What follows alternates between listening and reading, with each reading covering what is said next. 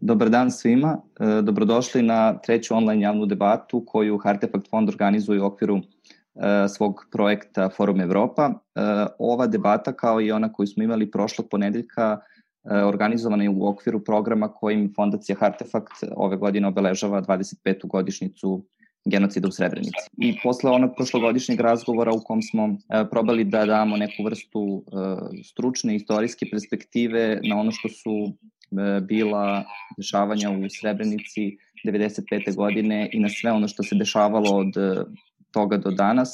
E, na ovom razgovoru ćemo imati priliku da razgovaramo o nekim o istim o istoj temi ali iz neke malo drugačije perspektive. Meni je zaista veliko zadovoljstvo što danas imam priliku da razgovaram upravo sa sagovornicima koje smo odabrali i da ponudimo neku vrstu drugačije perspektive e, na sve ono što se danas u javnom diskursu vezuje za pojam Srebrenice, za sam genocid i na sve ono što je uslovno rečeno pređeni put od 95. godine e, do danas. E, među mojim sagovornicima, evo pozdravit ću ih redom, Mirjana Karanović, filmska, e, televizijska i pozorišna glumica, jedna od e, osoba koja je svakako svojim radom e, zadužila našu kulturu i osoba koja je svih ovih godina uložila velike napore da govori o temama koje su vrlo često bile neka vrsta tabua u javnom diskursu.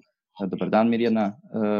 Biljana Srbljanović, damska spisateljica, programska direktorka Artefakt fonda i verujem osoba koju ne treba posebno predstavljati kada govorimo o e, toj vrsti aktivizma, kada govorimo o načinu na koji se obhodimo i koji, načinu na koji se sećamo e, svih stvari koje asociramo za ratove koji su pratili raspad Jugoslavije i na kraju e, dr. Emir Suljagić, direktor Memorialnog centra Srebrenica Potočari i jednog od preživelih. Srebrenici bili u ovaj, 95. godine vi ste tada bili prevodilac pri Ujedinim nacijama i ovaj, s tom ulogom ovaj, pratili sve što se dešavalo. E, hvala vam puno što ste pristali na ovaj razgovor, hvala vam što ste danas da razgovarate o sve, svim ovim stvarima i evo na samom početku Emire odmah za vas, e, za vikend smo e, pratili u medijima ovu centralnu ovaj centralni skup koji mi je obeležen 25. godišnjica u, u Potočarima E, da li biste mogli da se osvrnete na to kakvi su utisci e, sa svega što se dešavalo prethodnih dana, kampanja koja e, govori o genocidu još uvek traje i trajeće još par dana. Krenula je, ako se ne varam, već negde oko 6. jula. Kako, se, kako posmatrate sve ovo što je poslednjih dana obeležilo ovu 25. godišnicu? Prvo, hvala ti i hvala vam. Častnije sam danas ovdje sa vama.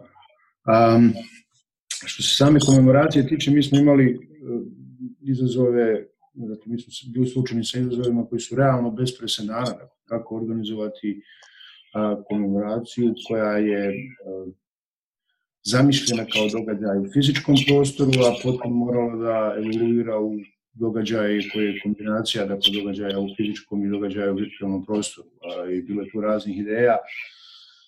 Inicijalno je bila ideja da se naši govornici javljaju video linkom, ali smo na kraju odustali od toga imajući u vidu da je IT infrastruktura ovdje još uvijek u na nivou iz 2000, 2001. pa bi rizik bio previsok i neupravljiv. A, na kraju smo se dogovorili da to budu snimljene video poruke koje je, koje je poslalo nekih 68 šefova država, premijera, ministara vanjskih poslova i generalnih sekretara multilateralnih organizacija, dakle od, od UN-a do Vijeća Evrope. I mislim da je to samo posebno poruka. Mislim da, da je činjenica da je tako mnogo, tako, um, tako mnogo govornika, tako visokog profila izabralo da, da, da nešto kaže na 25. godišnjicu Srebrenice, samo po sebi poruka. Meni, meni je žao a, što je Srbija i ove godine izabrala da ostane po strani. Um, mislim da je, mislim da propuštamo prilike, ali to svakako nije moja odluka. Jel? Uh, ja sam, ja mogu da živim s tom stvarnosti, nemam jedan problem s njom. Um, s druge strane, mi smo ove godine, da, kad kažem mi, mislim na memorialni centar, a, i pozvali smo dominantno bosanske i međunarodne a, umjetnike da, da se priključe na pridruže, da, da, da proizvedemo neki sadržaj koji će, elem, dakle i, i, i to je rezultiralo izložbom Safeta Zeca koja zaista izgleda zastrašujuće u tom prostoru ovaj, tamo, iako smo poduzeli ogroman rizik, ta, ta zgrada u kojoj se odnosno dio zgrade u kojoj se nalazi memorialni centar je još uvijek prilično ruševna i vjerujte mi da ovaj, a, je puno mojih napora otišlo u, a, molitve vezane za vremenske prilike. A druga stvar koju smo radili, dobili smo, to mi je, moram priznati, na nivou, onako intimno mi je jako draga stvar bila Aida Šehovi, pa i to je u onom okruženju, na onoj zemlji, a, sa učešćem porodica koje su nekog izgubile, a, izgledalo poprilično, čak i iz ove mjere i pridržavanje ovih mjera, dakle, maske, dezinfekcija, mjerenje temperature, čak i ovaj, pored toga je to izgledalo strašno na trenutke. Uh, imali smo potom uh, izložbu koju su nam radili uh, Ron Haviv, Zija Gafić, Rod Nordland, uh, Paul Lowe i jedan tip kojeg se malo ljudi ovdje sjeća, Tony Bertley, koji je 90. radio za NBC, koji je s nama bio u Srebrenici uh, u martu i aprilu 93. Koja je, a to je period koji je realno bio pakao ovaj, za nas i sastavni dio te izložbe je sedam sati do sad nikad prikazanog a, a, materijala, dakle video snimaka a, koji će se vrte i u narednih nekoliko mjeseci. Ovaj, I meni je bilo važno da to imamo, da, da, da, da malo izađemo, da, da, da vam pravo kažem, iz te iz tog narativa o tome kako se u Srebrenici nešto dogodilo tek, nek, tek neki pet dana jula i to je to. Dakle, Srebrenica je grad koji je bio pod opsadom tri i po godine, a brutalnom, surovom, ako hoćeš, srednjevjekovnom opsadom i u tom smislu meni ovaj, bilo vitalno važno da imamo to. I imali smo jednu izložbu koju smo mi radili za, sa, sa Centrum za postkonfliktne istraživanje odrede iz Sarajeva e, i koja je posvećena porodicama, odnosno pojedincima koji su nam od početka ove godine do danas u okviru jednog projekta koji mi radimo donirali lične predmete i stvari svojih najmilijih koji više nisu živi. I to je izložba koja ima i, ili ako mogu tako reći, ovu zvučnu dimenziju, dakle ne samo fotografije, svaki posjetilac ovaj, je mogao da čuje, jeli, dobije iPad, stavi slušalice, ide od slike do slike i sluša priče ljudi. Um, O, i tako, tako da, da, dakle, ne znam sad da li je termin, hajde da, da, da, da se ne gađam riječima koje, znate, kad pričate o Srebrenici, kad pričate o memorialnom centru Srebrenica, riječi malo imaju tendenciju da, da, da, da izgube značenje ili da ga mijenja, da mijenja znač, mijenjaju značenje, pa ja ću reći da sam ja u tehničkom i organizacijnom smislu zadovoljan time kako je to prošlo, dakle nije bilo nekih tehničkih problema, nije bilo um, nije bilo problema u prenosu, nije bilo problema, dakle te poruke koje smo dobili su sve bile a, ozbiljne poruke ozbiljnih ljudi a, i mislim da je to u tom smislu, dakle, a, ovakva komemoracija, a, ako mogu reći, bila primjerena činjenici da, da bila primjerena 25. godišnjici, 25 godina nije malo, to je cijela jedna generacija, cijela jedna generacija je nestala, prije 25 godina cijela jedna generacija je izrasla umeđu vremenu, i mi smo htjeli da, da imamo vrstu komemoracije koja će pokazati da je Srebrenica jedan od rešina kojima barem mi u Bosni možemo da mirimo sve živote. E, pomenuli ste uh, i hvala vam što jeste tu uh, još jednu propuštenu priliku čini se Srbije da se uh, nekako uspostavi neki uh, konkretni odnos prema ovom obeležavanju. I sad ne mogu da se ne osvrnem na ono što svih ovih dana posmatramo na ulicama Beograda, čini se da je E, ove godine ta svest o tome da obeležavamo genocid u Srebrenici još manje prisutna u našem društvu, ne samo u smislu e, političkih elita, već i u smislu nekog medijskog diskursa i medijske prisutnosti same te teme. E, pa eto, možda Biljana, kad bismo se osvrnuli na sve ono što se dešava u Beogradu na ulicama, čini se da nekako, bar je moj utisak da ne samo što naša politička elita još jednom nije uspela da uh, uspostavi odnos prema žrtvama, već i da u čitavom društvu ovaj, je neki dominantni narativ mnogo, mnogo drugačije intoniran od onog koji bismo očekivali. Još jednom će Srebrenica ostati potpuno, u potpunosti prećutana uh, u našoj javnosti u potpunosti prećutana ili veoma manjinski, manjinski spominjana na, na, na način u prostoru je sve manji i manji, nekako sve suženiji i, i, i suženiji koji na neki način e, primorava ljude, ne samo aktiviste, nego najnormalnije ljude koji žele na neki način da, da se osvrnu, pa makar i Facebook statusom 11. jula makar samo na genocid, ako ne i na čitavu istoriju zločina i, i rata u Bosni, ovaj, tamo su osuđivani da se izvinjavaju, da se nešto ograđuju i da se brane ne više samo od onih direktno agresivnih koji ti pune ili komentari ili ono takozvani other inboxu na Facebooku, pretnjama, psovkama i tako dalje,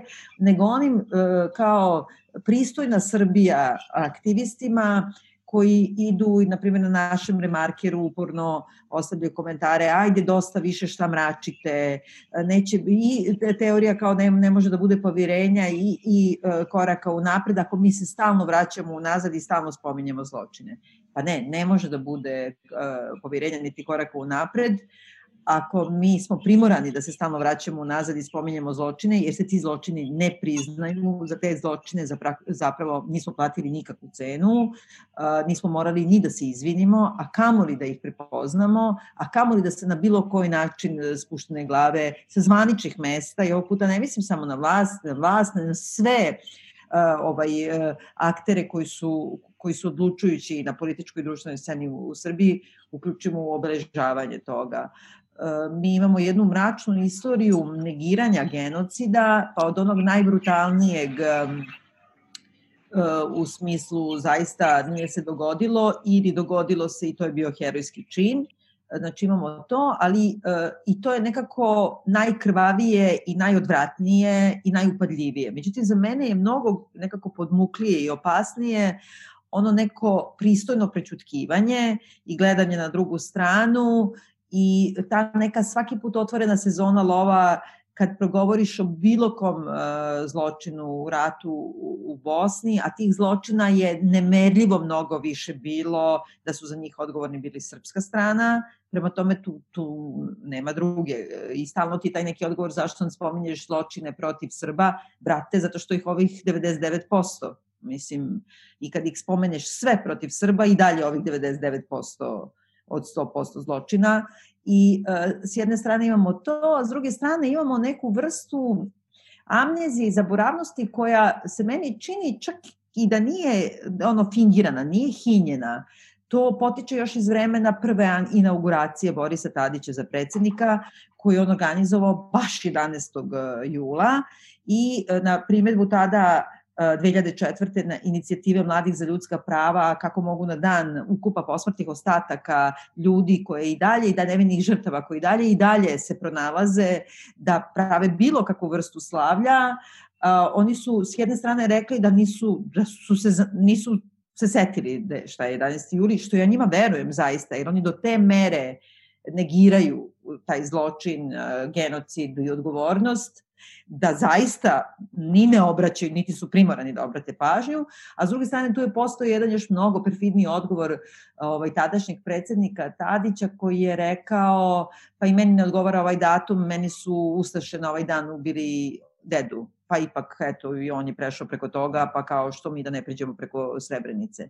I sad ovo se ne odnosi samo na Tadića, nego baš njega ističe zbog toga što je on najpristojniji, najdemokratski, naj, od njega se najviše očekivalo nekako, a ništa se ne očekuje ni od Vučića, ni od Šešelja, ni od uh, svih ovih uh, Jeremića i tih Šešelja u malom, od njih apsolutno nikad niko ništa nije očekivao, tako da ovo danas uh, da se dogodilo, da su novi protesti buknuli i to tako nasilni baš na tri dana pred 25. godišnjicu ovaj, Srebrenice.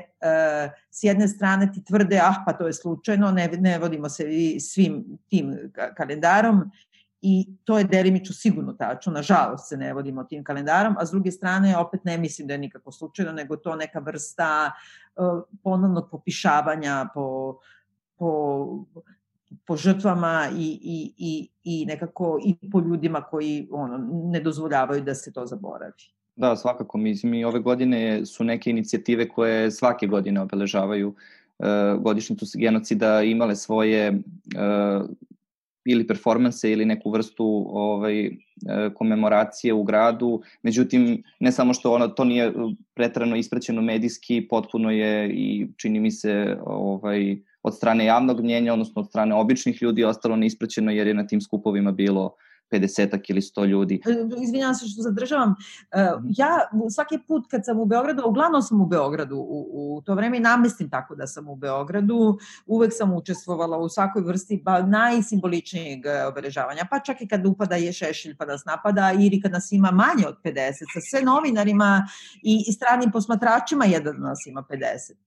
Međutim, moram da kažem da ove godine e, razmišljala sam o tome da li treba da ostanem u Beogradu u ovom trenutku i, i da sam ostala ne bih smela da izađem na ulicu. Jednostavno ne bih smela da dođem u situaciju, e, po prvi put sam se osetila toliko nesigurnom, možda su to sad već i moje godine i iskustvo bežanije od tih e, nasilnika, a po prvi put sam se osetila toliko nesigurnom da neću čitave glave doći kući i da me neće niko zaštititi, naprotiv, bit će potpuno otvorena sezona lova e, sa raznih strana i neće me čak ni oni građanski, fino, pristojno nastrojeni zaštititi da ne dobijem e, ozbiljne udarce ako se pridružim jednom. I dovešću u situaciju čak i neke ljude potpuno onako koji možda ne bi bile na neki način izloženi na ulici da stoje sa mnom pa sad kao zajedno da obeležavamo nešto da i njih ugrozim. I po prvi put sam bila sigurna da neću smeti da izađem tog dana na ulicu.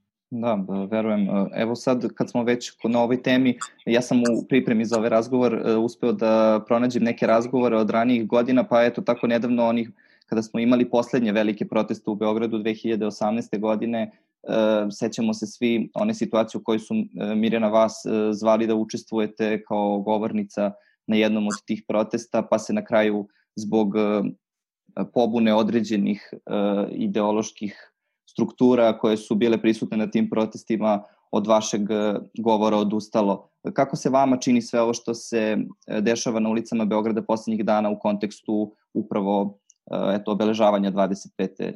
godišnjice od genocida? Ništa se u Beogradu ne dešava povodom obeležavanja genocida. Mi smo sada više nego ikada uronjeni u sobstveno blato, sobstvene, sobstvenog samouništenja i sobstvene gluposti, jel? već je to postalo istorijski tradicionalno kako narod ovde ništa ne uči na prošlosti sobstveno i na svojim greškama i kako to piše i u svim mnogim knjigama koji su baš napisali srpski književnici i kojima su se bavili intelektualci, ali evo danas, ovoj 2020. To je se zaista nismo svesni toga kako ponovo ponavljamo istoriju i kako smo toliko zaokupljeni samo isključivo sobom i svojom jadnom i mizernom sudbinom da nismo u stanju čak ni da kanališemo šta je to što zapravo želimo sa našim životima, a kamali da mislimo o, o prošlosti u kome su neka zlodela činjena u naše ime. Tako da mislim da je danas Srebrenica više nego ikada što se ove zemlje tiče je najdalje u mislima. A što se ovoga što se trenutno dešava u Srbiji, ja mislim da je to um, jedan, još jedan stepen putovanja ka dnu uh, i ka haosu, naravno prouzrokovano tragičnom globalnom situacijom ove pandemije i jednom potpunom nezainteresovanošću svetske zajednice da se bavi e, glupošću jednog naroda. Da, ovaj, evo svih ovih dana uh, i poslednjih uh, možda i mesec dana od kada su krenule kampanje različitih, uh, sa različitih strana koje treba da podignu nekako ponovo temu Srebrenice u svim našim društvima, da podignu njenu vidljivost. Vrlo često u svim tim kampanjama učestvuju umetnici, kulturni radnici i čini mi se da to nekako i najčešće nailazi na, na dobar odjek, pa e, ne znam, Emire, kako vi, e, kako vi posmatrate sve ovo, evo, zanimljiv je bio jako, e, Memorialni centar imao jednu kampanju koja je, čini mi se, naišla na dosta širok odjek, ima, bilo je još dosta ove organizacije koje su na svoj način probale tome da doprinesu i vrlo često smo videli glumce, književnike, druge kulturne radnike kako eto iz svojih ličnih iskustava pokušavaju da o tome progovore. Da li vam se čini da, da je to možda pravi pristup u, iz, u početku gradnje e, te kulture sećanja i, i promene neke opšte svesti i generalne paradigme s kojim se gleda na genocid? Pa vidi, ja mislim, za početak moram da kažem, dakle, mi smo ove godine mnogo radili, mnogo više radili ovaj, sa, um, sa um, mislim da ga svi znaju ovdje sa Dinom Mustafićem uh, i sa, sa ljudima iz MESA i potpuno nezasluženo sam zato propustio, dakle mi smo tokom 11. cijelog 11. Uh, Dino i, i ljudi iz MESA i čim se ovaj uh, nekoliko glumaca iz Sartra ovdje u Sarajevu su organizovali performans uh, čitanja imena, dokumenata, transkripata i tako dalje, organ, uh, inspirisan, navodničima inspirisan dužinom trajanja strijeljanja na poljoprivrednom dobru u Branjevu, dakle trajalo je od 9 do 5 popodne. A, I nakon što se, jeli, nakon što smo završili sa, sa cijelom stvari, ja sam ponovo razgovarao sa Dinom i mislim da ćemo iduće godine pozvati umjetnike iz regiona. Dakle, ove, ove godine smo radili sa bosancima, radili smo sa, nešto malo sa strancima, ovaj, ali mislim da, da, da mislim, barem o tome razgovaramo još jedano, dakle, imamo do kraja godine da, da, da definišemo šta i kako, ali bih volio da iduće godine vidimo a, umjetnike, dakle, da li slikare, da li glumce, da li pozorišta, da li, dakle, vidjet ćemo kako će i vodati ta, šta će se dogoditi s ovom kugom, da vam pravo kažem, onaj, kako ćemo biti slobodni ljudi uopšte. A, ali bih volio da iduću godinu a, a, da nekako tematiziramo, da, da, da, da, da kažemo ok, hajde da vidimo ko je to u, u bivšoj Jugoslaviji, da u Sloveniji, da Makedoniji, pa i šire, da šta, učimo Albance, Bugare, Rumune, koga god hoćete, um, da, da, da, da, da, da kažemo, ok, hajde da vidimo gdje je region na, na, na Srebrenicu u tom smislu, mislim, zašto, zašto neko je toga da ne bi došao da igrao neku predstavu u, u, u memorialnom centru u zgradi koje nadam se da ćemo i taj krov prokleti popraviti do tada. Um, ali dakle, i, i, i nećemo mi, tu, dakle, imamo mi drugih poslova, da moramo mi da se bavimo nekim istraživanjem, moramo da, da, jeli, da se bavimo i arhivom vlastitim i tako dalje, ali uh, jeli, uh, mislim da, da, da ćemo barem probati da to uradimo iduće godine, pozovemo neke ljude um, i da pozovemo neke ljude da dođu, da nam se priključe na, na, na, na, i da, da nam pomognu za 26. godište. Sad Biljana je malo prepomenula da se uvek trudi da bude u Beogradu 11. E, jula. E, ja imam jedno pitanje za svo troje koje možda zvuči malo ovako prozaično, ali mislim da je e, možda jako važno za samu ideju sećanja na žrtve. Ja se sećate gde ste bili 11. Eh, jula 95. godine. Dobro, Emire, vi ste svakako bili tamo još od 92. naravno, ali eh, verujem da se vi najživopisnije sećate svih događaja, ali šta je ono što vam je nekako simbol 11. jula kada se sećate svoje intimne slike tog dana? Ja sam 11. jula uh,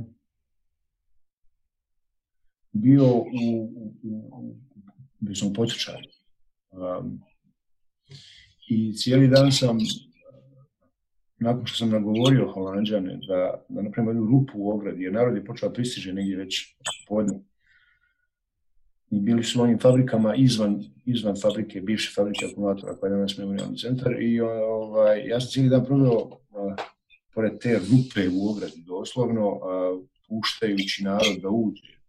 A, I tako dakle, tuda kamiona dakle 11. je ušlo u, u, u zgradu, u, u, krug tog memorialnog, u krug te fabrike koja je tada bio štab Volanskog bataljona, ušlo neki 5-6 hiljada ljudi, 239 muškaraca, mladića, dječaka, uključujući neke moje komšije i prijatelje.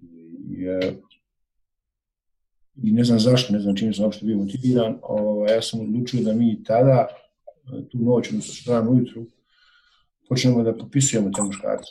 Um, uvjerenju, mislim, nema, nije ovo nikakva napad da pamet vjerujem, ali ja sam znao što je se dogoditi iz jednog vrlo prostog razloga. Moja porodica je doživjela taj isti tretman 92. Dakle, svaka muška glava koju su stigli je nestala. I ja sam, možda, možda još jednog dvoje ljudi, ja smo cijeli naredni dan ovaj, popisivali te ljude u jednom potpuno deluzivnom uvjerenju da eto, ako mi njih popišemo i da ako ovi mladićevi znaju da su oni popisani, negdje su zabilježeni, da se njihova imena nalaze u rukama ili u vojna, da će to možda da im sačuva živote. A na kraju nas je najbrutalnije slagao čovjek koji je bio zamjenik komandanta holandskog bataljona, koji nam je, kojim smo odnijeli spisak, bi nam rekao, naravno, ne, ne sekirajte se vi, ovaj spisak poslati, ne znam, ovaj, u Ženevu, u New York, u Zagreb, je bilo sjedište Ugrofora, a kao original ću sakriti, citiram kao u pantalone, u, u ugaće sam nije rekao. Naravno, kad smo mi stigli u, u Zagreb, nekih desetak dana kasnije, ja sam iz Srebrenice izašao 21. jula 1995. posljednji, mislim, doslovno, onda se ispostavilo da ovaj spiska nema nigdje. Jedva je pronađen nekad negdje početkom augusta 95. kad je već bilo kasno. To je, ako hoćeš pravo, ne samo moje a, moja prva asocijacija na, na, na, na 11. juli, nego ako, ću, ako postoji nešto za što mogu reći da je ok, da me obilježilo najstrašnije, onda je, onda je to, to činjenica da, da sam ja u jednom trenutku pokušao spasim te neki, mislim, kažem, to je sve potpuna deluzija bila, čuje to kao mladi će se prepasti nekog spiska, ali um, i činjenica to nije uspjelo svi su oni 13. jula posle podne, dakle na današnji dan, za nekih 5-6 sati od, od ovog trenutka svi su ovaj, isporučeni mlađu i do, dobar dio, dio njih je već i pronađeni Da, ja sam neki dan prije, prvi put posle 25 godina upoznao nekoga, nikad nisam se dakle izgledao sa ljudi koji su, s kojim sam ja tad radio, a nisam sreo nikoga ko bi mislim, jer nisam upamtio, 60.000 ljudi je to. Nisam sreo nikoga ko je bio tu ili povezan s nekim ko je bio tu i nekam sam sasvim slučajno, dakle, i moram reći da sam kao rijetko kad bio potresen, upoznao sestru jednog mladića koji je bio tu, koja mi sasvim slučajno ispričala da, da su ona i njena sestra ostale s vanjske strane ograde, a druga sestra i brat sa unutrašnje. I bio sam apsolutno potresen potpuno, ovaj, kao, kao malo kad u životu. Eto, to ti je otprilike moj 11. juli. Mirjana, po čemu vi pamtite 11. jul 95? Ne bih. Ne bih znala da kažem šta, šta sam radila baš tog dana. Ali mislim, sećam se tih, tih godina, pogotovo kad je počeo rat u Bosni, jer sam jer to bila sam jedna od onih koji nikad nisu verovali da će taj rat stvarno da tamo da počne. Um, tako da, kada se to nije zaustavljalo, znam šta sam radila svih tih dana, meseci, godina, sam imala kao nekakav dnevni raspored u kome sam s jedne strane pokušavala da, da negiram to što se dešavalo, a s druge strane recimo satima plakala i pokušavala da da ne znam, da se bavim nekom aktivnošću u smislu nekih antiratnih da smo u pozorištu smo to pokušavali da sprovedemo i naravno sve to što sam radila bilo je pa prožito ratom. Tako da ne znam tačno šta je bilo, ali znam da sam bila da sam imala ogroman osjećaj potpune bespomoćnosti zato što ja ne mogu ništa da učinim da to da se to zaustavi, jer um, sam recimo desetak dana pred početak um, rata u Sarajevu igrala predstavu i zanesena sobstvenim aplauzom sa predstave Majke Hrabrost. Mislila sam da je to gledalište ceo svet i cela Bosna. Mislila sam evo sada sve ovo što pričaju da će rat početi i nemoguće da će početi jer evo svi su tako oduševljeni tom predstavom i sa mnom koja govorim protiv rata, tako da sam bila ubeđena tako u sobstvenu veličinu i mislim kada je, kada je to nasilje počelo zapravo sam kao osjećala sam se kao da sam ja na neki način kriva i odgovorna. Mislim da me ta, to osjećanje odgovornosti i krivice nekako nosi i do dana današnjeg, iako nije toliko jako intenzivno i nemam, nemam baš imam prostor i za druge stvari da se bavim u svom životu. Ali, znate, mislim, ono što je važno i zbog čega je važno da se ovaj i mnogi drugi datumi ne zaborave, to je zato što to nas uvek, to, to uvek malo onako malo te čušne, jel, malo te podsjeti da kažeš, e, alo, to nije, gotovo, nismo, nismo se s tim obračunali, nismo, nismo, ne postoji zaključak, ne postoji. I mislim da je to najveći problem zato što emotivno mi nismo u stanju da se, da se suočimo sa tim a nismo u stanju zato što postoji jedna velika jedna ograda, kao, mi smo kao iza nekog zida koje, koje, koje, koje svi oni koji na neki način upravljaju društvima, mislim na, na sve poluge vlasti, zatim na sve te obrazovne institucije, zatim mislim na medije, prave jedan zid u kome zapravo ti prosto ne dozvoljavaš sebi da imaš bilo kakav emotivan odnos prema tome, da, ne, da nemaš saosećanje. S druge strane postoji, i to je ono čime mislim, zasipaju mene, a pretpostavljam i Biljanu, a to je to, uh, ono, to je ta, ta kao poravnavanje. To ono što je, što je Biljana govorila Borisu Tadiću, kao eto, meni su Ustaše ubile ne znam, tog i tog, uh, to opravdavanje zločina drugim zločinom. Znači, uh, i, i ja mislim, ta, ta nesvest o tome koliko zapravo uh, ti ni podaštavaš ne samo žrtve za koje misliš da su manje važne po tebi, nego i one žrtve za koje imaš duboko saosećanje. Znači, um, jednostavno, svi ti mrtvi ljudi koji su stradali u istoriji, u drugom ratu, pa sad mi to vučemo kao neku vrstu potrebe da se poravna, jel?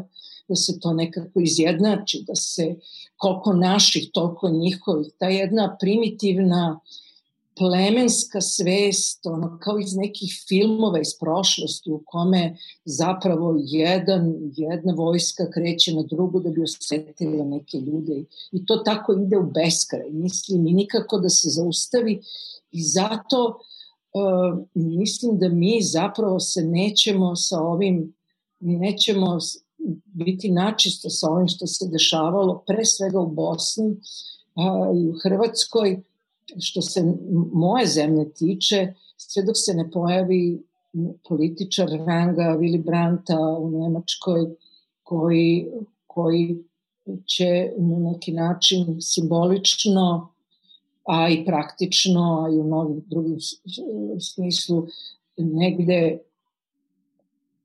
pomiriti, neću da kažem pomiriti, ali uspostaviti neki mir, nekakvu, ono, neku, neku, neku, neku, neku uspostaviti oproštaj, mislim, uspostaviti neku duhovnu, duhovnu ravnotežu. A to što svi mi kao, ne znam, umetnici radimo, mislim to, ljudi iz umetnosti su to uvek manje više, uvek su to bili tako pojedinci.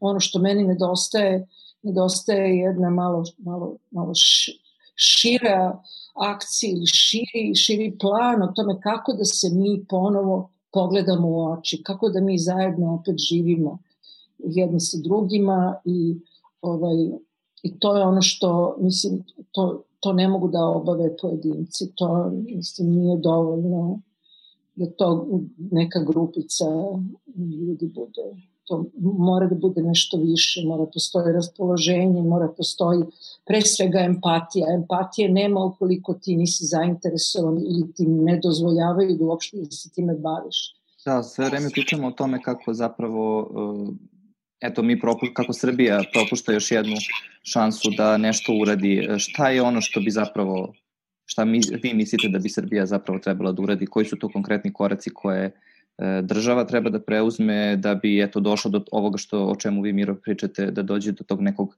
šireg odjeka. Evo Biljana možeš ti s obzirom to da sam ti oduzeo pravo da odgovoriš na prethodno pitanje. Prethodno pitanje ću kratko da odgovorim, samo da kažem, ja sam sticam okolnosti bila na nekom letnjem semestru, završavala sam već faks, na nekom letnjem semestru Milanske akademije koji je bio u Friulima, ovaj, i to je bio internacionalni, svi su bili studenti iz svih krajeva sveta i uh, kao učili smo film u pozorištu ovo ono i to kad kažu Friuli onda mislite svi na neku divno kao uh, ne znam, Čividale i tako svi neki gradovi na divno vino. Ovo je bio grad koji je bio rasturen u zemljotresu potpuno izgrađen u betonu, ceo, u sred planine. I sam po sebi je užasno bio bizarna scenografija celog tog studentskog susreta, a onda zato verovatno sicam okolnosti sam među prvima od Srba uh, uopšte i čula, jer tamo vesti nisu bile cenzurisane na taj način. Nisam uopšte kapirala o čemu se radi, ali sam ukapirala o čemu se radi kada sam sutradan shvatila da me svi gledaju kao čisto govno i da je mene užasno sramota.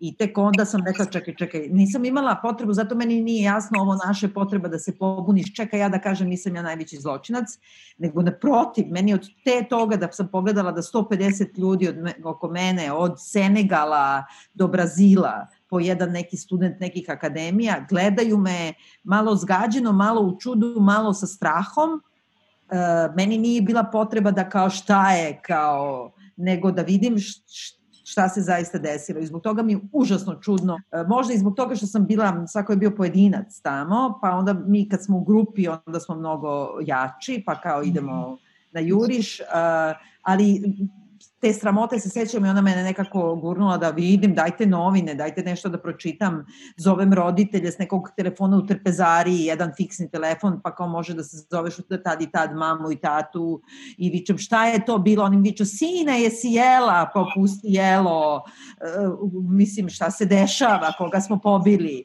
Tako da ta neka diskrapanca između tvog nekog intimnog osjećaja i sudara sa svetom koji ili možda zažmuriš i vičeš ne, ili nekako da uroniš u to, a ko zna kako bi se ponašala da sam bila negde drugde. Ali ono što mislim da treba da, sad da se vratim za pravo pitanje, izvini Ogne, uh, ja mislim da pre svega Srbija treba da promeni deklaraciju koju je usvojila, da tekst deklaracije koji je usvojen je tog trenutka bio samo rezultat pregovora sa, uh, sa svima, da, da sa svim ono snagama koje su učestvovali, koje su na neki način ili politički ili moralno, a boga mi prilično na neki način njihovi članovi odgovorni za sam genocid. To je ta deklaracija iz 2006. čini mi se i treba, mislim, koliko god da to sad politički zvuči i ne znam, jednostrano, nije slučajno da je baš na jučerašnji dan ste imali ono neki tekst RTS-a, nacionalnog servisa, gde je pisalo ceo, celokupan tekst kao Čedomir Jovanović morao da umre i kao sve u stvari oko neke lažne novinarske patke da je, da je Čedomir koji je zaražen e, covidom i koji leži na infektivnoj klinici i u prilično ozbiljnom stanju.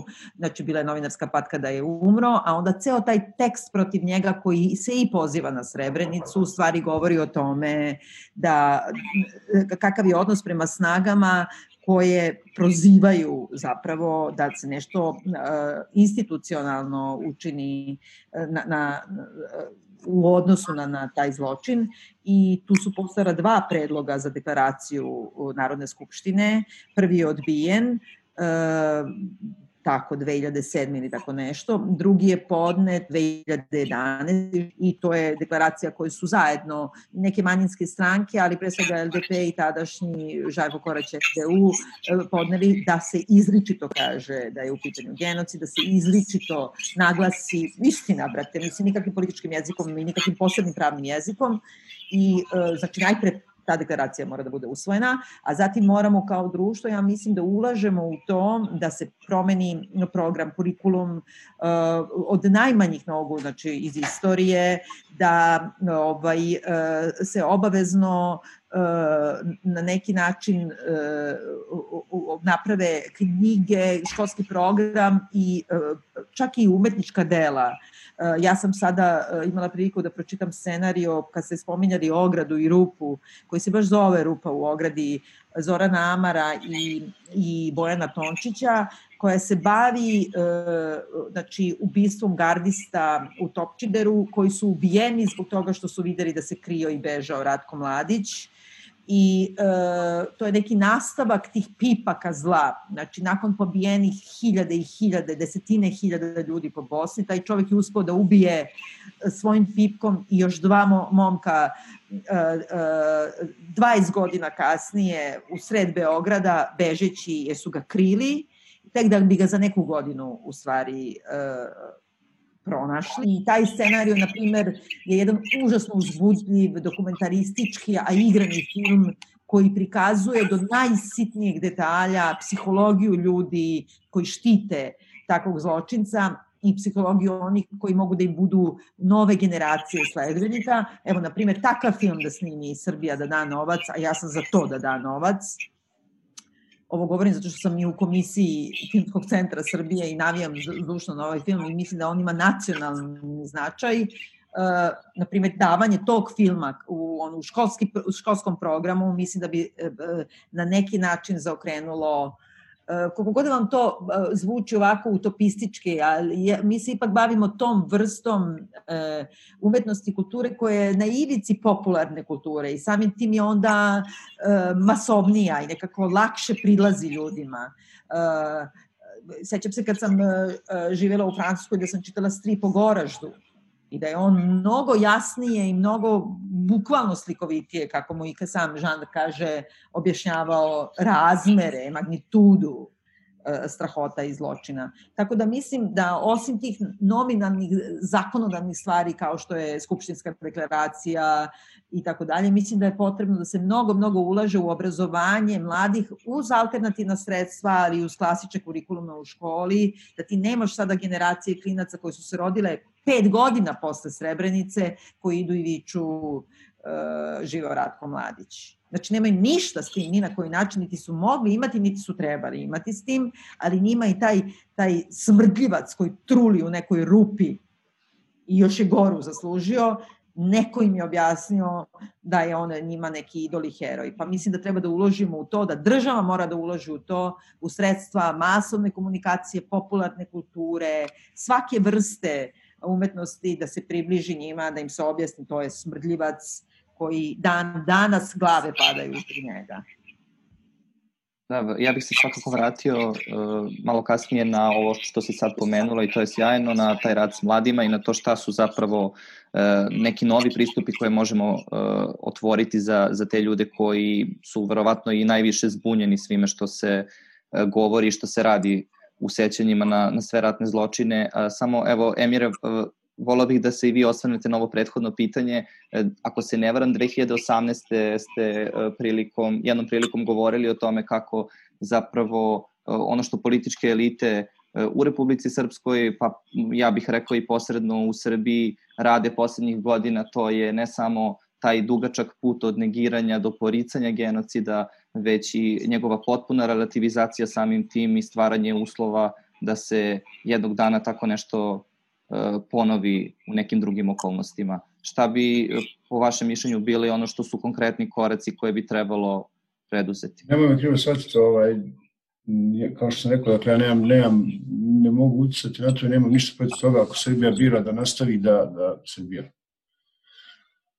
politička, ako hoćeš Srbija, Beograd, zvaničnije, ako bira da nastavi da živi u paralelnoj stvarnosti, ako bira da na ovoj temi bude međunarodno izolovan, potpuno, dakle, kad govorim, mi smo imali 48 šefova država, premijera, vanjskih ministara, vanjskih poslova, znate koga nismo imali, nismo imali Vučića i to, ovaj, pa ako hoće da bude, nema nikakvih problema, sve ok. Što se mene tiče, ne, Um, ono što ja što je meni što je meni ovaj uh, i ne, i ne očekujem ja to da mislim hajde da, da, da, da budemo potpuno otvoreni i potpuno pošteni dakle Srbija ima tu dugu tradiciju zataškavanja zločina počinjenih u države od majskog prevrata preko onog solunskog suđenja do, do preko Srebrenice do hladnjača. Dakle, nije, nije, nije Srebrenica tu ni Bosna apsolutno nikakav izuzetak. Dakle, ovaj, a, rezon de taj uvijek je li ovoga prevladavao sve druge a, kako da kažem, interese sve druge potrebe. Čak i potrebu da budete, da budete u pristojnim odnosima s komšije. Sad, šta je to što bi Srbija trebala da uradi? Vidi, Um, ja mislim da, dakle, pitanje političke odgovornosti je pitanje koje nikad nije adresirano na pravi način. I ono, i ono će ostati. Dakle, mi smo, um, evo, dakle, nekoliko desetina ljudi je krivično gonjeno. Ja sam veliki pobornik krivičnog gonjenja. Ja mislim da, dakle, da, da, da je važnije za društvo jedno suđenje nego 100 sati za sjedanje nekakvih komisija za pomirenje i tako dalje to je moj stav, može biti, da ja, da ja nemam pravo i, i, i prihvatam, ali to je moj stav. A, važnije je poslati nekog Bearu ili Popovića u zatvor, nego saslušati ovaj, a, 15 a, srce, srce drapajućih priznanja od kojih neće biti nikakvog a, efekta i posle kojeg će jel, autori tih priznanja nastaviti da žive normalno. A, Postoje pitanje političke odgovornosti, imate se lažemo. Dakle, nije ovo baš bio, nije ovo baš prošlo bez Srbije, ni Srebrenica, ni Sarajevo, ni, razumijete. A, I jedini način da, da, da se nešto dakle, realno promijeni jeste da, da Srbija odustane od svojih aspiracija prema Bosni i Hercegovini koje su još uvijek tu, koje su realne, a, Pa čak i kad, i kad šuti, te aspiracije su tu. Dakle, Beograd i kad šuti, te aspiracije su tu. Vlada Srbije ima stav o tome što je Aja Sofija ponovo pretvorena u džamiju, ali, e, ali zato Ana Brnabić Srebrenicu naziva nesporazumom. Pite, ovaj, pa nismo mi baš bosanci iz Viceva, pobogu. Možda nas ima iz Viceva, nije sporno, ima nas takvih svuda, jel, mi smo baš svi iz Viceva i nismo, i nismo mi taj, nemojte dakle, i, i oko toga, dakle, da se zavaravamo. Znaš, to je, a, nije Srebrenica nešto što, što, što ostavi zajednice i kolektive ne, ne, ne, ne promijenjene. Ne možeš, ne, mislim, ne možeš, ne možeš pobiti 8000 ljudi za 5 dana, raskomadati ih bagirima, a, kako da kažem, ono, sad, kad ja sad htio budem baš zajedljiv i ciničan, ali ne mogu predaviti time, da, ja, doveli ste me pred ljude pred, koje ja poštujem, doveli ste me pred ljude, a, da, kad bi ja htio da sam budem baš potpuno ciničan i potpuno zajedljiv, da bi da rekao da je recimo sekundarna i tercijarna masovna grobnica su jedan od rijetkih doprinosa Srbije arhitektonskom ovoga nasljeđu jeli svijeta. Termin etničko čišćenje je recimo jedan od rijetkih doprinosa Srbije ovaj, svetskom jezičkom bogatstvu i tako dalje. A, ovo je mnogo dublje, ovo je mnogo duboko. A, Ratko Mladić, govorimo, hajde se vratimo par godina natrag. Dakle, pamtim, svi znamo, ono, kao Mladić je izašao na trg u Srebrenici i rekao, došlo vrijeme da se svetimo kulturno, tako dalje. I to sad, to su svi upamtili, to svi znaju, to svi tako. Hajde da se vratimo u maj 1992. godine. Na sjednici u Banju Luci Skupština, to je dakle organ, postojao je organ koji se zvao Skupština, to se tada zvalo Srpska republika Bosna i Hercegovina. Na sjednici u Banjoj Luci, a, 12. maja, a, a, sjednica je 16. koja održano ih je 57. A, sjednica usvaja strateške ciljeve srpskog naroda.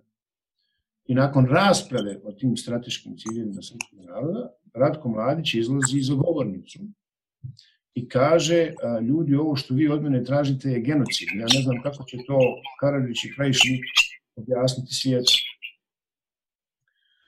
A, jedan od tih strateških ciljeva je eliminacija muslimanskog, bošnjačkog stanovništva iz doline Drine. Pitanje krivične, individualne krivične odgovornosti je u dobroj mjeri riješeno. Barem u Srbiji je to još uvijek manjkav, vrlo manjkav proces. Međutim, pitanje političke odgovornosti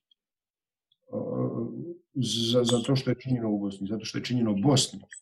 Je pitanje koje realno nikad nije stavljeno na dnevni red. Um, ja lično ne vjerujem u demokratski kapacitet Srbije, ne vjerujem da će tu još jako dugo doći neko ko će, ne znam ko je ovdje spomenuo Vili Branta, ja u to ne vjerujem. Um, i, I mislim da, da ne treba gubiti ne treba gubiti vrijeme uh, na to. Treba pa šta onda pričamo uopšte? Ako, ako mislimo da to neće nikad doći, onda ajmo da se zatvorimo, da napravimo i da se uopšte ne viđamo više. Zašto uopšte razgovaramo ako ne verujemo da će jednog dana neko neko, neke, neke druge generacije nešto promeniti. Ako zaista u to ne verujemo, pa onda, mislim, ajmo da završimo, stvarno. Ja ne razumem uopšte. Ja ne razumem zašto mi razgovaramo onda uopšte. Ako vi u to ne verujete. Pa, pa, Ako ste vi zakucali to da je, mislim, sve u Srbiji i svi u Srbiji da su ono potpuno, da su im oči vezane i uši zapušene. Eto, ja stvarno ne razumem zbog drugog odgovora, zbog drugog dijela odgovora na ovo pitanje koje treba da glasi da se slažem sa Biljanom da treba raditi sa, genera sa mlađima i da treba raditi formalnim, neformalnim obrazovanjem, formalnim obrazovanjem, seminarima, konferencijama. Posljednja grupa posjetilaca koja je došla u memorialni centar u Srebrenicu, neposebno prije epidemije bila grupa dječaka i mladića i djevojaka iz Srbije upravo. I mislim, ne znam, ne mogu sjetiti tačno u, kom aranžmanu, odnosno da li je to bila inicijativa Mlade ljudskog prava ili neko drugi, zaista ne znam. Ovaj, dakle, ja u to vjerujem. A, ideju da će srbijanski politički establishment izroditi nekoga, a, e to, to, to, dakle, to, to, to malo teže. Dakle, jer mi smo, ova, kakav god da je bio Boris Tadić, Tadića do Vučića, ako taj put nije regresija, onda ja ne znam kako da ga nazovem ovaj, jel, Tadić je barem i takvu bljutavu, sterilnu deklaraciju uspio staviti pred parlament, a Vučić je deset godina kasnije doveo 20 agenata bije da insceniraju napad na njega u potrečanju. Dakle, ja, ja ne znam sad, ja, mene činjenice obavezuju. Ovo, a ovo su činjenice, ovo je nema utvrdio, ovo je činjenice koje utvrdio na ime sudu Beograd, nisam ja. Ovo, ja. Dakle, treba raditi s onim, ljudima, s onim što se može i s onim što se ima a, nikakva prevelika očekivanja ja nemam, dakle, i imam pravo na to. Možda me prebiti ovo ako hoćete, ali ja imam, pravo na to, dakle, da nemam nikakve očekivanja i da ne vjerujem demokratski kapacitet ovog društva, narošto sa ovom vlašću. Dakle, jesu li juče prekriče skandirali Ratko Mladić bez Skupština Srbije? I sam ja nešto to izmislio, to je tako kako je. Dakle, možemo raditi s onim što imamo, s ljudima koji su tu i to je to. Nema dakle, tu nekog velikog prostora. Da. Ja samo da upadnem, ili mogu? Da, da, da, naravno. Dve stvari. Jedno što je meni bitno, a to je da je Solonski proces nije e, bio fingiran proces i Apis je Ratko Mladić i mislim to je pokazala država Srbija kako je trebalo da osudi Ratka Mladića, kako god da je bio manjkav taj proces i hvala Bogu da smo barem njega imali, ali to je potpuno nebitno, to samo ovako ja ne mogu da izdržim Apis nije nikakva žrtva, naprotiv. A, samo sam htela da kažem, mislim da, da je da, uh, i, i Mira i Emir zapravo govore potpuno isto. Uh, Mira i ja kao građanke Srbije bi mogle da se ubijemo i zakopamo u grob ako odustanemo od nade da će se ipak jednog dana pojaviti neko koji je vredan uh, kako da kažem, koji je vredan seni tih žrtava i koji je vredan svih ovih poziva i, i urlika da se razume razmera, značaj, ako ništa drugo, za nas same kao društvo, da ne živimo sa tom mrljom, odnosno da živimo sa njom, a da znamo šta ćemo sa njom, da naučimo o njoj, da je lečimo, da je lečimo sa sudsedima i e, bez izvinjenja nema pomirenja. To, to je jedno. Ako bismo sebi ukinule koliko god da je utopistička ta ideja, ja mislim da bi obe mogle da legnemo da, da, da umremo. E, jer nema onda, nema zašto da živimo više kao socijalna bića. S druge strane, mi smo svesni da kod nas taman kad se pojavi jedna snaga, koja je iole emancipatorska, iole sklona nekom kopernikarskom obrtu, odmah je na, nasledi sledeća koja to poništi i vrlo često su one u sprezi. Mi smo imale, imali snagu uh, ljudi okupljenih oko Đinđića koji se pojavio i uh, njega su zamenile najgore snage Koštunice, DSS-a i tako dalje koje su ga i ubile, ali s jedne strane Đinđić ih iznedrio. Mi smo imali Borisa Tadića koga je zamenila Vučićev SNS, ali s druge strane Tadić ih je napravio. I nekako to stalno poigravanje i pružanje ruke, i dva, daćemo dva prsta nacionalistima, pa ćemo uspeti da ih kontrolišemo, se uvek pokazalo tako da nas proguta taj, e, ta, ta neman, ta ždaja nas proguta cele. I onda se posle češemo i pitamo se ah, pa kako to da nismo uspeli da ih iskontrolišemo, izmanipulišemo i zbog toga e, mi danas imamo ljude na ulici koji se e, pozicioniraju desno u odnosu na Vučića. Mi nemamo nikoga da se pozicionira levo. Mi imamo samo sve nove i nove desnije snage, što njega ne čini levicom, naprotiv, on je i dalje stoji na svom mestu na desnici, a svi novi koji se pojavljuju i svi oni stari koji se preoblače je pokušavaju da zagrabe sa tog dna kace glasova i tog društvenog taloga u koji smo se mi pretvorili, se pozicioniraju sve više i više desno.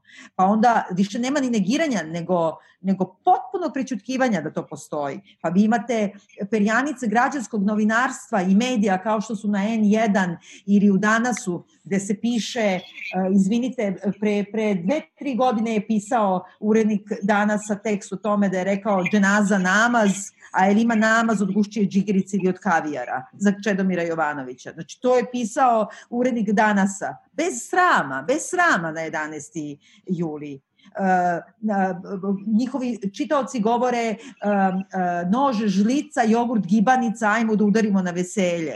Znači, to nisu uopšte više da govorimo kao ja ugnjetavani kritički mediji, a ovamo imamo masu be, bezumnih. Ne, to je čitavo društvo.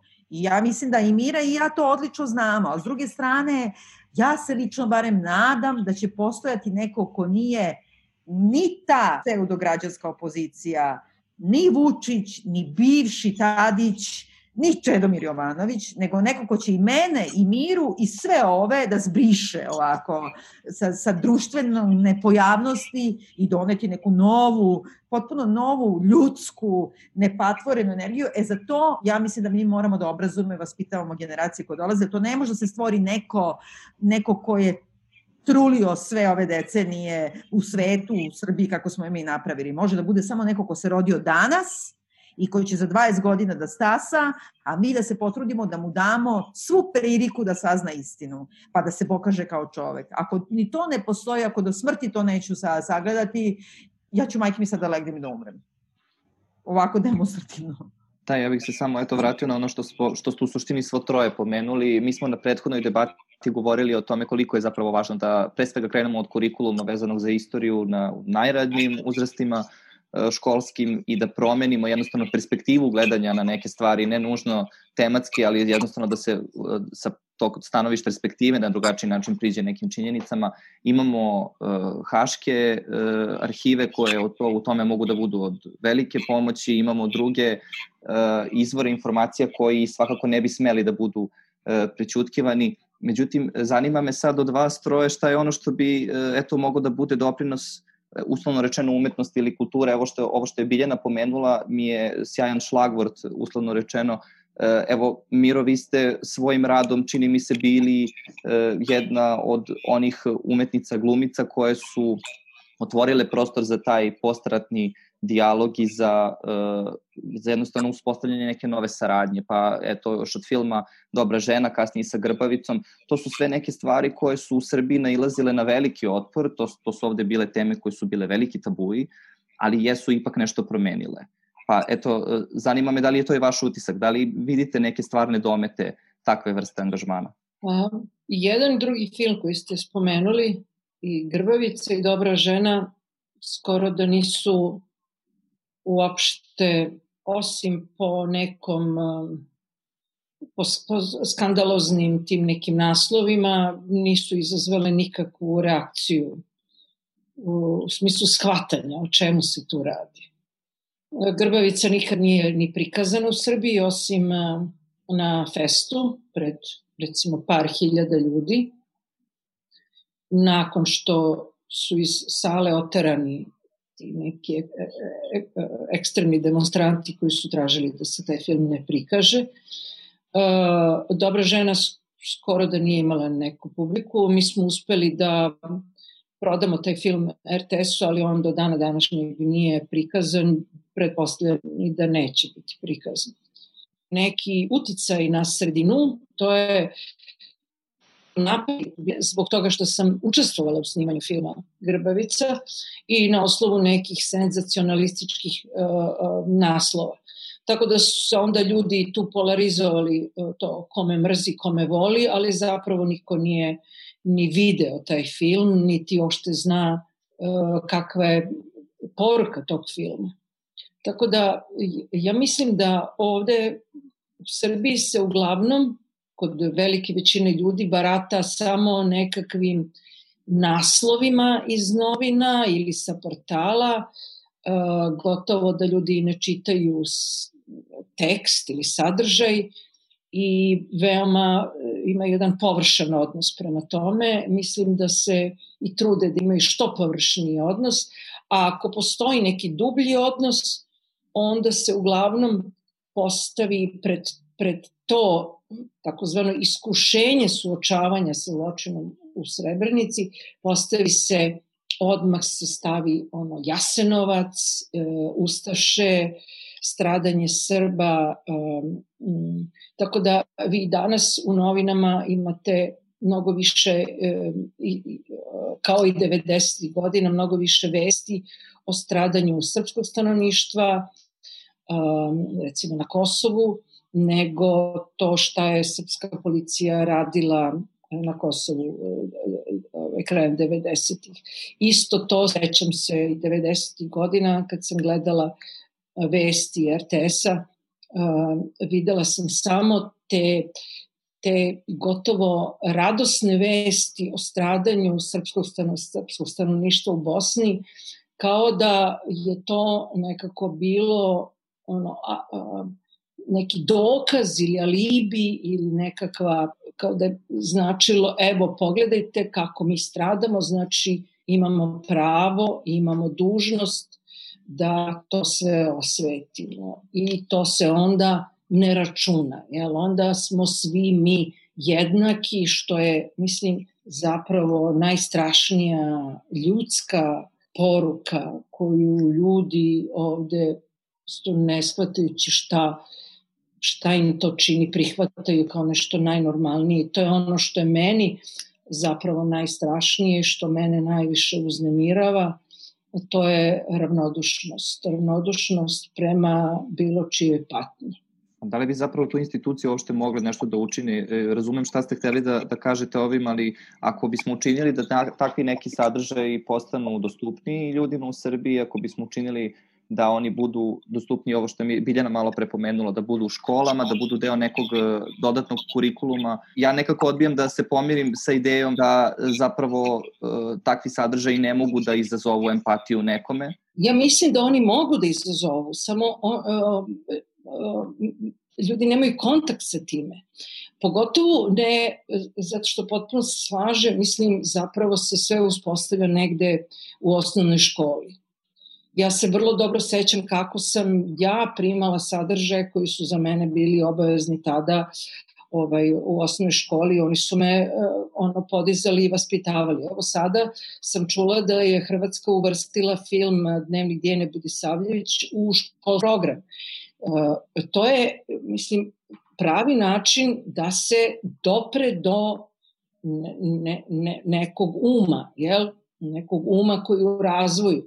Ja znam da mnoge odrasle je teško e, da kažem, da im promeniti stavove, ali mislim da mi treba da formiramo nove generacije i uh, pogotovo mislim da su filmovi ili ošte umetnička dela mnogo um, pristupačniji i mnogo lakše primaš nego neke lekcije iz istorije. Isto tako se sećam kada sam bila u školi, mislim, uvek su te lekcije iz istorije bile suoparne i uglavnom se bazirale na pamćenju datuma i nekih imena.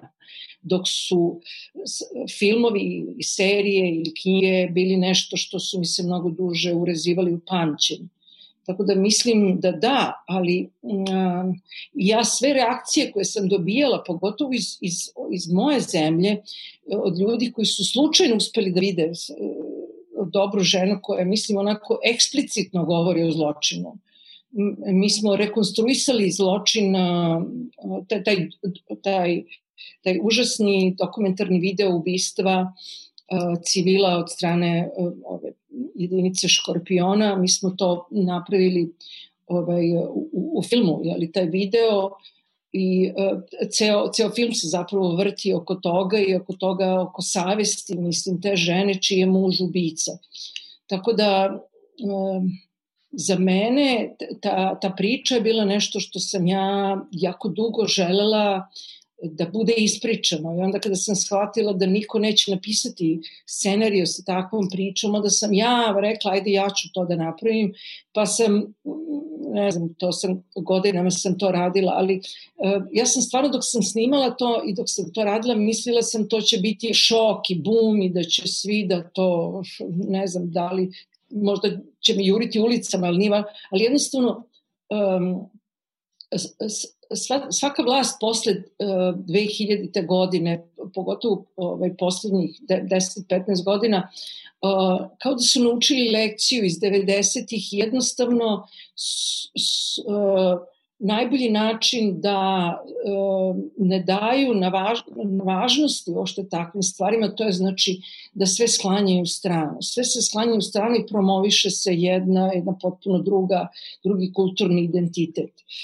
Uh, i, i, zato je moj film izazvao mnogo više pažnje svuda osim, osim u moje zemlji i uh, ja sam tada kad je film izašao ja sam imala prvi put uh, sam napravila neku turneju sa filmom po Srbiji um, i tražila od ljudi da razgovaraju sa mnom posle projekcije i uh, ljudi uglavnom nisu imali, mislim, ni pitanja, niti su znali šta da kažu, bili su potpuno šokirani. Uh, jedino gde sam imala prepunu salu i ljude sa kojima sam pričala jedno par sati posle projekcije, to je bila Subotica. Mislim, taj grad je, i ti ljudi su nekako se tu skupili, ne znam zašto baš Subotica, mislim, ono, sigurno postoji ono, neko sociološko objašnjenje, kulturološko, ali tamo sam baš mnogo razgovarala sa ljudima o tome šta se desuje, o tome ko smo mi, zašto, mislim, mi treba da se bavimo time, um, jer taj glavni lik u filmu jeste zapravo žena koja 90. godina nije želao što da se bavi bilo kakvom politikom, nije htela da pita svog muža odakle je došao sa tim oružjem i sa tim novcem, uh, ono, ti vikend, uh, jeli, ti, ti paravoj, paravojska koja je tako odlazila i vraćala se sa parama i ona nije žela da zna od čega tako dobro živi i mislim ta pitanja su počela da se, da se javljaju upravo zato što je taj neki kancer počeo da izjeda nju, a za mene to bila metafora čitavog našeg društva da zapravo ili moramo da, da hiruške operišemo to da bi mogli da nastavimo da živimo ili da pristanemo da umremo. To je poruka mog, mog filma, ali mislim, ja se nadam još uvek da će jednog dana taj film moći da bude prikazan, da će izazvati neku reakciju, makar i reakciju besa i agresije, ali za mene je mnogo bitnije da on bude viđen, pa makar ljudi poludeli zbog toga i želeli da me linčuju.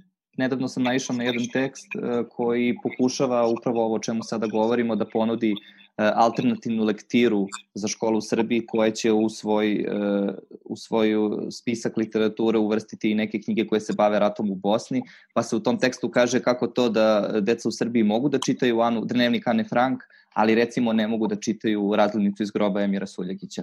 Pa sad, Emir, evo kratko pitanje za vas, jel možete da zamislite uopšte tu situaciju u kojoj ta knjiga postaje e, dostupna mladim ljudima, deci? Ma ne znam, prvo ja ne mislim da je ta knjiga tako na nivou dnevnika Ane Frank. Ovaj, nisam baš siguran da je, da je, da je materijal za za lektire. O, ima, ima, ima važnijih knjiga koje su objavljene, ima na kraju krajeva knjiga, boljih knjiga koje će tek biti objavljene. Um, ali moram da razumijete, dakle, a, moj, moju, moju skepsu. A, ona nije motivirana a, ničim drugim osim, osim iskustvom. A,